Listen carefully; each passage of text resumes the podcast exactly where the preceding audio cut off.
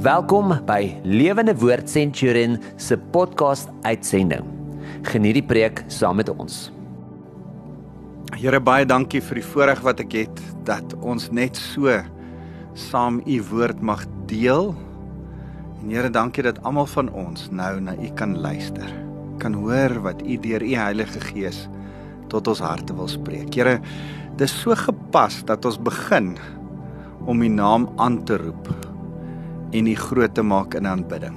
Here mag ons nou van aanbidding in beweeg in bestudering van die woord en as ons die woord so saam bestudeer dat u ons lewens van binne na buite sal verander. Dankie Jesus. Amen. Ja, dis vir my lekker om weer so saam met jou te kuier. My naam is Wouter van der Merwe van Lewende Woord Centurion. En uh, as jy ooit met my wil kommunikeer, my e-posadres is wouter@lewendewoord.co.za. So uh stuur gerus vir my 'n uh, 'n uh, uh, e-pos, kommunikeer met my as jy vra het, as jy welkom om uh met my te te kommunikeer en 'n vraag te vra. As jy met my verskil, is jy ook welkom. Ek is nie fyngevoelig nie. Ek hou daarvan om om verskillende opinies te hoor. Ek het nou nog 'n interessante e-pos gekry vir 'n ou wat sê, "Hoor, ek het 'n ander opinie as jy hieroor." Ek geniet dit. Dis vir my lekker.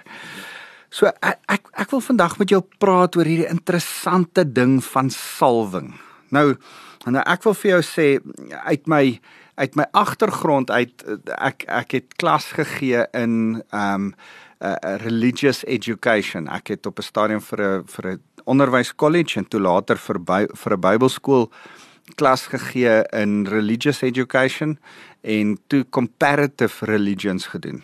Bedoelende ek het nou al die verskillende godsdienste gekyk, uh Islam, Judaïsme, Hindoeïsme, Boeddhisme, Shintoïsme, ehm um, al hierdie godsdienste en dit vergelyk met Christendom en gekyk hoe verskil dit en en waar's die verskille van van hierdie verskillende godsdienste en natuurlik die die ooreenkomste daarvan. So so godsdienste en lewensfilosofie uit godsdiens uh, uh, georiënteerde uh, lewenskulture is eintlik 'n uh, ehm um, my belangstelling, my stokperdjie. Iets iets waaroor ek oplees en kyk as ek nou 'n uh, ekstra 'n uh, uh, program gaan kyk uh, as dit fascineer my om 'n program te kyk na die uh mense se reise na Mekka toe of wat die boeddiste doen of die verskillende boeddhas en net interessante wêreldsveld vir my om de, na dit te kyk. En en een van die interessante goed is um, die die die verskillende temas van byvoorbeeld water in die in die, in die verskillende godsdienste, wyn in die verskillende godsdienste. Die die uh, uh, wat wat wat se tema uh hou verskillende godsdienste van oor vleis. Hindus eet byvoorbeeld meeste hindus eet nie vleis nie. Ehm um, hulle is eintlik 'n klomp godsdienste in een maar ander eet weer vleis en maak dit deel van hulle godsdienstpraktyke en offers. Uh so, so daai is vir my interessant, maar een van die interessante goed waarop ek afgekom het is die die die rol wat botter of olie in godsdienste speel. En amper elke godsdiens het botter of olie as deel van hulle gebruike uh gemaak. 'n Deel van hulle goedjies wat hulle doen. Uh, dis geweldig interessant. Of hulle brand botter in sulke watte wat die Hindus doen of hulle uh smeer botter op sekere goed as 'n godsdienstige gebruik, nie as kos nie. Uh of hulle gooi olie uit op sekere goed. En en dis so met die Jode en dis so met ons as Christene. Ons noem dit salwing. Ons glo dat daar salwing is salwing is dat ons olie gebruik om iets te salf toe te wy aan een kant te sit vir. So as iets geheilig word een kant gesit vir die gebruik van. Dis Ou Testamenties.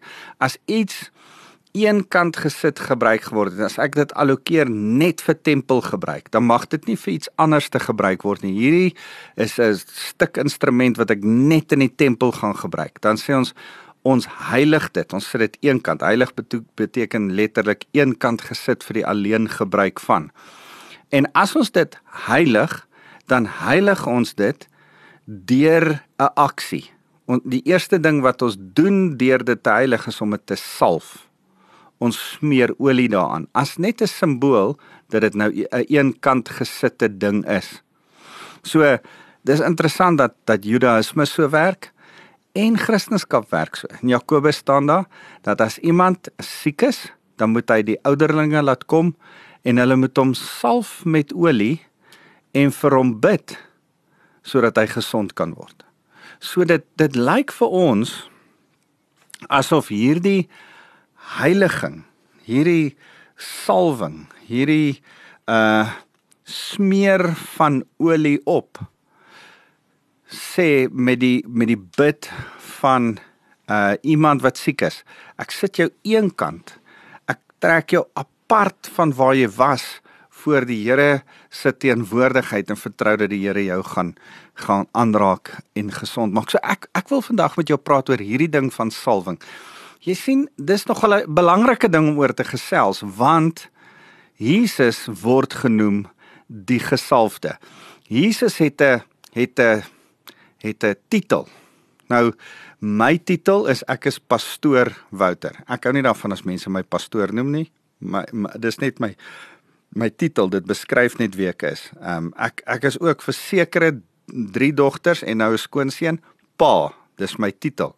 Dis nie my naam nie. Dis my titel. Ek hou daarvan. Ek ek lag altyd so. Ek het die een dogter. Nee, jy, jy kry mos altyd daai een snaakse een. My een dogter noem my nie dad of pa nie. Sy noem my Nad.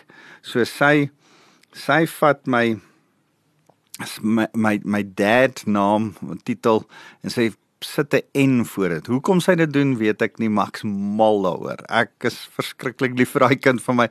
So as sy sê Nad, dan smelt my hart. En uh so ek het verskillende titels. Ek's my man of my liefie vir my vrou ek is pastoor, ek is dad, hopelik gaan ek uh, een of ander tyd oupa word, maar ek het 'n titel voor aan my naam. En my titel beskryf iets van die funksie en die rol van wat ek vervul. Jesus het 'n titel. Sy sy titel is Christus. Hy's Christus Jesus. Hy het 'n titel. Hy's dit beskryf iets van wat hy wat hy doen. Nou Christus in Hebreëus, uh, in Grieks beteken in Hebreëus eh, is die woord Messias. Selfe woord, selfe ding. Afrikaans gesalfde. Die een wat gesalf is. Nou ek wil met jou praat oor daai salwing. Daai salwing van Jesus Christus want dit is so interessant. Hy is 3 keer gesalf. Nou, nou net daarby wil ek sê dat Deuteronomium Uh daar's so 'n mooi skrif wat praat uit Deuteronomium uit wat wat die Here sê dat in die, in die mond van twee of drie getuies Deuteronomium 15 uh dan dan dan sê hy uit die mond van twee of drie getuies sal 'n saak bevestig word. Ons moet altyd twee of drie getuies oor 'n saak hê. En um en en Jesus kies as Christus as die gesalfde om twee of drie getuies van sy salwing te hê. Nou nou kan ek net vir jou sê, Jesus noem homself uh Christus. Hy is die Christus, die gesalfde. Hoekom? Want daar is daai mooi gedeelte in Jesaja 61 vers vers 1 tot 4 waar hy sê uh hy het my gesalf om die goeie nuus te verkondig en en en vryheid aan die verdruktes te kom uh uh, uh aankondig daai mooi gedeelte wat hy as Jesus opstaan en vir die eerste een van die eerste kere in sy tuisdorp Nasaret preek, dan vat hy die boekrol, lees Jesaja 61 en kondig aan dat hy die gesalfde, die een wat gesalf is om hierdie te doen, nou in hulle midde staan. Jesus is die Messias, die gesalfde. Maar maar nou is die interessante ding is dat wie salf Jesus? Wie Hoekom is hy die gesalfde genoem? Ou Testament uit die geskiedenis uit God salf hom, Vader God salf hom. Daar's so 'n mooi gedeelte in in uh Johannes hoofstuk 12, ek blaai gesoen toe. Johannes hoofstuk 12 vers vers 49 wat sê Ehm um, ek het nie uit my eie gepraat nie, maar die Vader wat my gestuur het, het aan my 'n opdrag gegee oor wat ek moet sê en hoe ek dit moet verkondig. En ek weet dat sy opdrag die ewige lewe inhou. Dit wat ek dus sê, verkondig ek net soos die Vader dit aan my oorgedra het, die autoriteit, die mandaat, die volmag die reg wat Jesus het om te sê wat hy sê en om die gesalfde te wees kom van Vader God af. En en en Vader bevestig dit op so 'n mooi manier. Ek wil julle hierdie gedeelte lees. Toe Jesus gedoop is, toe word dit bevestig met die doop van Jesus. En en ehm um, ek wil vir julle Lukas 3 lees. Uh eendag toe die skares gedoop word, het Jesus self o, uh, uh, is Jesus self ook gedoop. Ek lees vir julle Lukas uh 3 vanaf vers 21. En terwyl hy bid, het die hemel oopgegaan en die Heilige Gees het fisies soos 'n duif op hom neergedaal. En 'n stem uit die hemel het gesê: "Jy is my geliefde seun. Jy's 'n kind so na my hart." Ek hou van wat die ou vertaling sê. Hierdie is my seun in wie ek welbehaag het. Uh die salwing kom van die Here af eerste. Die Vader bevestig met die doop van Jesus dat hy die gesalfde Christus se salwing deur die Heilige Gees stuur. Nou nou elke keer Ou Testament, Nuwe Testament is die olie wat ons op mense smeer, salwing is eintlik net 'n teken dat die Heilige Gees by mense is. Ek ek wens ek kan julle reg deur die skrif dit wys maak. Ek blaai gou na Samuel toe. Uh 1 Samuel uh daar's interessante skrifte wat ek gou vir julle wil wys want uh, in 1 1 Samuel is is Saul gesalf en Dawid is gesalf, maar uh ek wil gou vir julle lees 1 Samuel hoofstuk 10 salf Samuel vir Saul. Uh Samuel neem toe 'n kruik met olie, gooi dit op Saul se kop uit en soen hom en sê die Here het jou gesalf as leier oor sy besitting. Wanneer jy vandag van my af weggaan, dit dit dan gaan hy aan. Salf as koning, hy gee sy Heilige Gees om jou koning te wees. Miskien is dit so bietjie duideliker in hierdie skrif wat ek vir jou wil lees uh, as Dawid gesal word in 1 Samuel 16 vers 13 sê terwyl Dawid daar tussen sy broers staan neem Samuel die olie wat hy saamgebring het en gooi dit uit op Dawid se kop. Van toe af het die gees van die Here kragtig in hom gewerk en daarna het Samuel na Rama toe teruggegaan. Van toe af het die gees van die Here kragtig op hom gewerk. Toe Samuel die olie op hom gooi, het hy die Heilige Gees geaktiveer. Daar's 'n teken van iets wat jy doen wat die Heilige Gees simboliseer. Daar die teken is nie die ware ding nie. ek, ek my Toyota badgie op my kar voor kan niks op sy eie kan hy nie ry nie. Hy beteken niks. Hy het geen niks nie. Die kar agter die Toyota badge is eintlik die Toyota. Maar die badge is net die teken dat dit die Toyota is. Die die die salwing. Is nie die ding wat wat wat eintlik die verskil maak nie. Die Heilige Gees wat saam met die salwing kom is wat die verskil maak. En en en daarom bevestig die Here die salwing van Jesus deur oor hom aan te kondig hierdie is my seun in wie ek welbehaag het. Die die die Here kondig dit aan. Maar dan dan gebeur daar so 'n mooi ding verder. Saam met hierdie autoriteit van die Heilige Gees, die salwing wat die Here aankondig. Dit is interessant dat toe hierdie Heilige Gees aankondiging gebeur, begin die Here se bediening. Want nou ter Heilige Gees Nou word hy in die woestyn weggelei, word versoek vir 40 dae. Nou begin hy preek en sy bediening begin nou verder en dit vat vlam en dit gaan aan. En waar hy nou eers te begin preek, eers te begin wonderwerke doen, is dit vir my so mooi dat die Here ook besluit het, goed, ek dra die salwing, die Christus wees, die gesalfde een se salwing van die Here af, maar mense moet my ook salf.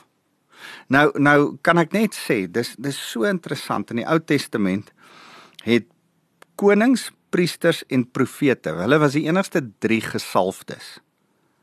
Konings moes of 'n priester of 'n profeet salf, maar ge gewoonlik het 'n priester konings en profete gesalf. En partykeer het profete priesters en konings en profete gesalf. Gaan kyk maar na Elia en Elisa se storie, storie van Jehu, die Samuel wat die ander gesalf het, Moses en Aaron en en al hierdie stories. So die 3 profete, konings en priesters het mekaar gesalf. En dis die enigstes wat mekaar mag salf. Net 'n koning mag 'n priester en 'n profeet salf of 'n koning net 'n priester mag 'n priester en 'n koning en 'n profeet salf. Daai jy moet dit verstaan.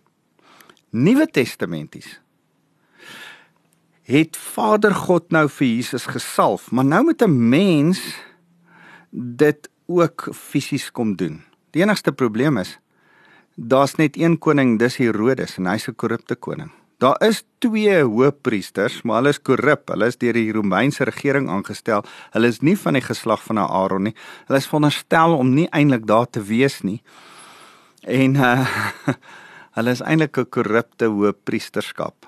En daar's nie veel profete in die land oor in die tyd van Jesus nie. So wie kies Jesus om hom te salf? Blaai gou saam met my na hierdie mooi gedeelte in Lukas 7 aan die begin van sy bediening gebeur sy salwing. Lukas 7 vers 36. Een van die fariseërs het Jesus na sy huis genooi vir 'n maaltyd. En Jesus het dit aanvaar en aangelê om te eet. Onthou die mense het so op hulle sye gelê om te eet. OK, miskien is dit een van die fariseërs wat Jesus gaan salf. Die een wat hom genooi het na sy huis toe. Vers 37. En kyk, 'n sekere vrou van losse sedes. Uh met ander woorde 'n prostituut het gehoor dat hy daar is en het 'n albaste fles met duur aromatiese olie gebring. En sy het agter Jesus gekniel by sy voete en gehuil. Haar trane het op sy voete geval en sy het dit met haar hare afgevee en sy het sy voete bly soen en die aromatiese olie daaraan gesmeer. En toe die fariseer wat die gas gasheer was, sien wat gebeur het en wie die vrou is, het hy vir homself gesê dit bewys dat Jesus geen profeet is nie. As God hom werklik gestuur het, sou hy geweet het watter soort vrou hom nou aanraak. Sy's 'n sondaar. En Jesus het toe gereageer en vir Simon geantwoord. Simon het hy vir hom die fariseer gesê. Ek het iets om vir jou te sê, reg meneer, het Simon geantwoord. Hy hy dink seker goed. Hy gaan my nou bevestig. Jesus vertel hom toe die volgende verhaal. 'n Man Hy het vir twee mense geld geleen, R500 vir een en 50 vir die ander, maar nie een van hulle twee kon hom terugbetaal nie. Hy dus maar al twee oorgesien en hulle skuld afgeskryf. Wie dink jy het hom daarna die meeste liefde bewys? Simon het geantwoord: Ek veronderstel die een vir wie hy die meeste skuld afgeskryf het. Dis reg het Jesus gesê. Hy het toe na die vrou toe gedraai en vir Simon gesê: "Kyk na hierdie vrou." Toe ek jou in jou huis ingekom het, het jy my nie water aangebied om die stof van my voete af te was nie, maar sy het hulle met haar trane gewas en met haar hare afgedroog. Nou as 'n vrou met haar haar hare loslaat in die publiek, is dit al klaar 'n teken van nederigheid. Sy ontbloot haarself. Is eintlik skaam nederige gebruik. Sy het haar hare met haar trane met haar hare afgedroog. Vuil voete met trane gewas vee hierdie vrou met hare af want sy het nie 'n handdoek wat hierdie man lappe wat hierdie man vir haar gee die die huiseienaar nie. Al wat sy het is haar hare. Jy het my nie met 'n soen verwelkom nie maar sy het my voete weer en weer gesoen vandat ek hier ingekom het of hulle nou vuil was of nie. Jy het nie my kop met gewone olyfolie gesalf nie maar sy het my voete met kosbare olie gesalf. Ek sê vir jou, haar sondes en dit is baie is vergewe omdat sy baie liefde aan my bewys het. Maar iemand vir wie min sondes vergewe is, betoon maar min liefde. Toe sê Jesus vir die vrou, jou sondes is vergewe. Die mans aan die tafel sê toe onder mekaar, wie dink hierdie man is hy om rond te gaan en sondes te vergewe. Waar kry hy sy autoriteit? Wie dink hy is hy? Waar kom sy autoriteit vandaan? Van Vader God af. En nou bevestig hierdie vrou sy autoriteit eintlik deur hom te salf en mans wat dit nie kan raak sien nie, bevraagteken dit. En Jesus sê vir die vrou: "Jou geloof het jou gered. Gaan in vrede." Ek ek, wil by jou kom stil staan en kom sê dis vir my so kosbaar dat 'n koning aan nie om nie salf nie, dat 'n priester om nie salf nie, dat 'n profeet profeet om nie salf nie, maar dat 'n vrou, 'n vrou wat 'n sondaar is, deur die res van daai dorp geminag dat sy homself, dat hy kies dat sy die aardse mens is wat homself vir sy bediening om vorentoe te gaan. Daar daar's so 'n mooi skrif in Jesaja 52 vers 7 wat sê hoe lieflik is die voete van die wat die evangelie bedien, van die goeie nuus bring. Uh, uh, uh, uh Paulus herhaal daai skrif in Romeine 10. Ehm um, maar maar daai skrif in Jesaja 52 vers 7 praat van Jesus se mooi voete. Sy hoe, hoe hoe mooi klink die voetstappe. Hoe lieflik is die voete van die een en sy kniel by hierdie voete want sy voete bring vir my en jou verlossing. Ek dink die Here het juist die laagste een gekies om die evangelie te bring, om die salwing te bring. Dit, dit is vir my so mooi as as jy besef in Jesus se tyd het hy was hy so 'n kampvegter vir vroue. jy, jy moet besef 'n vrou was die laagste vorm van mens wees. Hulle die, die Jode het 'n sê ding gehad. Daar's 'n man, gewone mense, dan's daar 'n hond en dan is daar 'n vrou onder dit. En, en dis in die Jode se kop hoe die klassifikasie gewerk het in die Jode 'n hond was nog 'n onrein ding ook vir hulle. Maar hulle het nie veel agting vir vrouens gehad nie en nou kies Jesus om 'n sondige vrou as die een te hê wat sy voete kom salf. En haar trane van repentance van gebrokenheid was sy voete.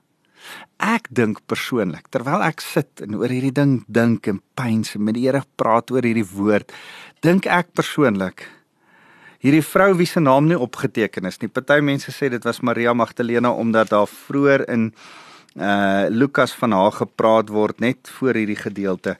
Ons weet nie of dit Maria Magdalena was uit wie sewe geeste gedryf is nie. Ons weet nie of dit sy was nie. Heel moontlik.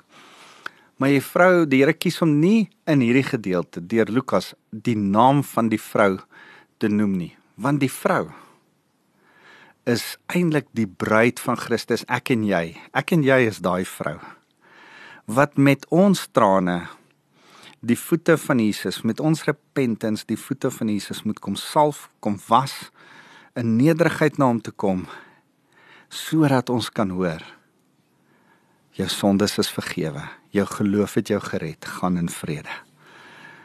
Sal jy dit vandag ook kom hoor? Jou sondes is vergewe. Jou geloof het het jou gered. Gaan in vrede. Maar wees jy bereid om die Christus in jou Galasiërs 2 vers 20 sê is nie meer ek wat leef nie maar Jesus Christus wat binne in my leef die gesalfde leef in jou sal jy met trane die geleentheid neem om die gesalfde in jou se voete te salf deur in repentance voor hom te kom en te sê Here ek is ook daai sondige vrou.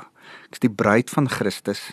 Of ek nou 'n man is of 'n vrou is ek is daai vrou wat in nederigheid na u toe kom en voor u kom kniel. Jy sien vir sy aardse bediening is hy so gesalf maar hy het ook vir sy hemelse bediening so salwing deurgemaak. En in in uh, Matteus hoofstuk 26 vers 6 tot 13 lees ons 'n verhaal van 'n vrou wat hom in Betanië gesalf het. Markus 14 vers 3 tot 9 noem ook nie hierdie vrou nie. En dit lyk vir ons dit kan dalk twee vrouens wees, maar dit lyk vir ons na dieselfde vrou wat in Matteus 12 vers 1 uh ekskuus Johannes 12 vers 1 hom kom salf het. Ek lees vir julle.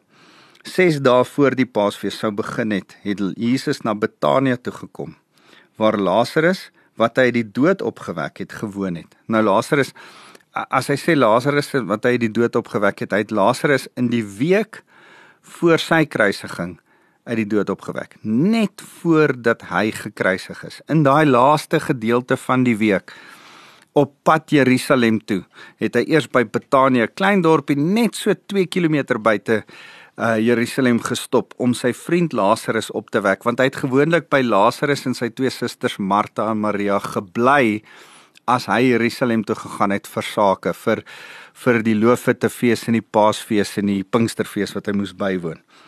Nou nou nou is Jesus daar. Hy wek Lazarus op en hier gebeur iets. Daar het hulle vir Jesus 'n aandete voorberei. Martha het dit voorgesit en Lazarus was die een van was een van die wat saam met Jesus vir die ete aangelê het. Nou nou in in Matteus en Markus staan dan dat hierdie ete het plaasgevind in in Betanië, maar in Simon die uh, Melaatse se huis.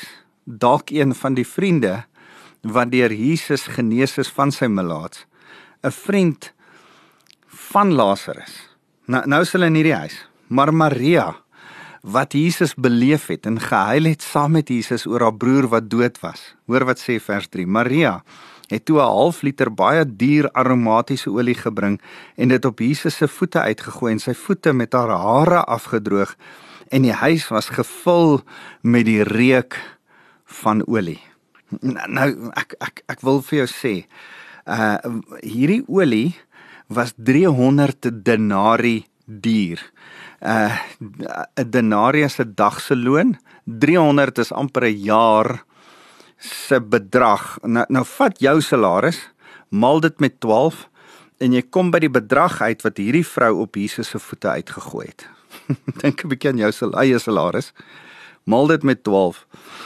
En dink hoe duur was dit wat sy op Jesus se voete uitgegooi het. Sy bring 'n dieroffer. Waarvoor was hier hoe, hoe kom dit sy sulke dierolie gehad? Dit was haar trousou. Dit was haar bymekaar maak en en en die doel van hoekom Maria so duur alabaster fles by haar gehad het was sy het eintlik hierdie kosbare olie by haar gehad om op haar bruidsaand haar bruidsdag vir die huwelikseremonie daai alabaster fles se nek te breek, die alabaster af te breek en en en dan kan sy hom nie weer toemaak nie. Daar's nie 'n prop wat sy weer kan terugdraai nie. As hy gebreek is, is hy gebreek, dan moet sy dit gebruik en dan het sy dit gewoonlik gebruik vir die huwelikseremonie. Haar mooi hierdie olie oor haar gegooi. Onthou daar was nie stort en bad nie. As jy Israel vandag nog gaan, is 'n droë plek. Daar's nie sy moes vir haar huwelik deur die mikwa gebad geword het, maar om parfuum lekker ryk vir haar bruidegom aan te sit en vir die bruide vir vir die vir die bruid 'n uh, 'n uh, uh, gaste het sy hierdie olie aangesmeer oor haar hele lyf. En dan het sy gewag en as die funksie klaar was voordat sy in die huwelikslokaal saam met haar man ingaan vir die vir die honeymoon het sy weer van hierdie laaste olie oor haar aangesit. So elke bruid het hierdie olie gekoester want dit was 'n kosbare besitting wat eintlik vir jou huwelik vir jou man bedoel is. Nou kom giet sy dit nie oor haarself uit nie, maar oor Jesus. En sy kom stort dit oor sy voete uit en sy sy maak hom lekker ryk. Ek besef so terwyl ek hieroor dink dat terwyl Jesus gemartel was, deur die Romeinse soldate moes hulle vir mekaar gesê. Ek wonder wat ryk so. Wat wat ryk dit het 'n paar dae later gebeur. Hierdie moes in Jesus se vel ingetrek het. Hierdie mense het nie elke dag gestort en gebad soos ek en jy nie. Hierdie ouens moes nog die reuk terwyl hulle hom gegeesel het, terwyl hulle hom met die vuis geslaan het, moes hulle na hulle eie hande geryk het en gesê, "Nou ryk my hand lekker." Want daar was dierolie oor hom gegooi. Terwyl hulle sy baard uitgepluk het, moes daar van daai olie op hulle vingers agtergebly die gesalfde se salwing het afgegee. Ah, ek wens ek kan met jou nog meer hieroor praat oor die salwing van die gesalfde wat op my en jou afgee. Maria het hierdie olie oor hom uitgegooi en En die huis was gevul met die reuk van die olie. Judas Iskariot, een van sy disippels wat hom nog wou uitlewer, sê toe: "Waarom is hierdie olie nie eerder aan vir 'n eislike bedrag verkoop en die opbrengs vir die armes gegee nie?" Dit het hy gesê, nie omdat hy so bedanig besorg was oor die armes nie, maar omdat hy 'n dief was en hy die geldbeurs gedra en uit van die bates verduister.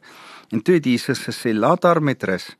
Sy het dit gekoop om my te bære, om te bære vir die geleentheid vir my begrafnis." Die armes het dit het julle altyd by julle, maar my het julle nie altyd nie. Jy sien, hy sê eintlik hoor ek het 'n ewige bediening wat voor lê van koning, priester en profeet wees. Ek moet nou in die graf ingaan. Daar gaan nie tyd wees om my liggaam te salf nie. Maar sy weet dit. Sy gaan my salf nog voordat ek in die graf ingaan, nog voordat ek gemartel en gekruisig word. Salf sy hom. As koning, priester en profeet. Het jy al Christus, die gesalfde, in jou lewe woon hy in jou hart. Het jy dit bevestig? Miskien deur jou doop om te sê hoor ek stel myself onderdanig aan U. En dan jou autoriteit wat van hom afkom. Sal jy bruid van Christus, vrou van die Here kom kniel voor hom weer vandag en sê Here ek wil kom met alles in my. Dit vat iets van my om in aanbidding na U te kom. Aanbidding. Dawid het gesê om U te aanbid kan my nie niks kos nie. En daarom het hy die veld waarop die tempel gebou is gekoop met sy eie diergeld. Here, ons wil dit vir U kom sê. Here, aanbidding kan ons nie niks kos nie soos hierdie vrou haar dierste besitting voor U kom uitgooi het, oor U kom uitgooi het. Here wil ons kom sê, ons besef ons moet in aanbidding met iets van onsself, ons hele lewe U kom salf en na U toe kom en sê Here ons kom aanbid U. Dankie dat salwing dat dit beteken dat as ek na U toe kom met die afwagting dat daar 'n salwing sal wees dat my trane u voete sal nat maak. U kop sal salf, Here, dan gaan die Heilige Gees teenwoordig wees ook in my lewe. En Here, nou kom bid ek vir elkeen wat nou na my luister. Mag die die salwing van die Heilige Gees oor hulle lewe hang soos 'n aangename geur. Mag die genade van Jesus Christus ons herinner dat hy die gesalfde een vir elkeen van ons is. Mag die liefde van God ons Vader Ons dring om in hierdie salwing van die Heilige Gees te bly wandel. Ons eer U Here Jesus. Amen.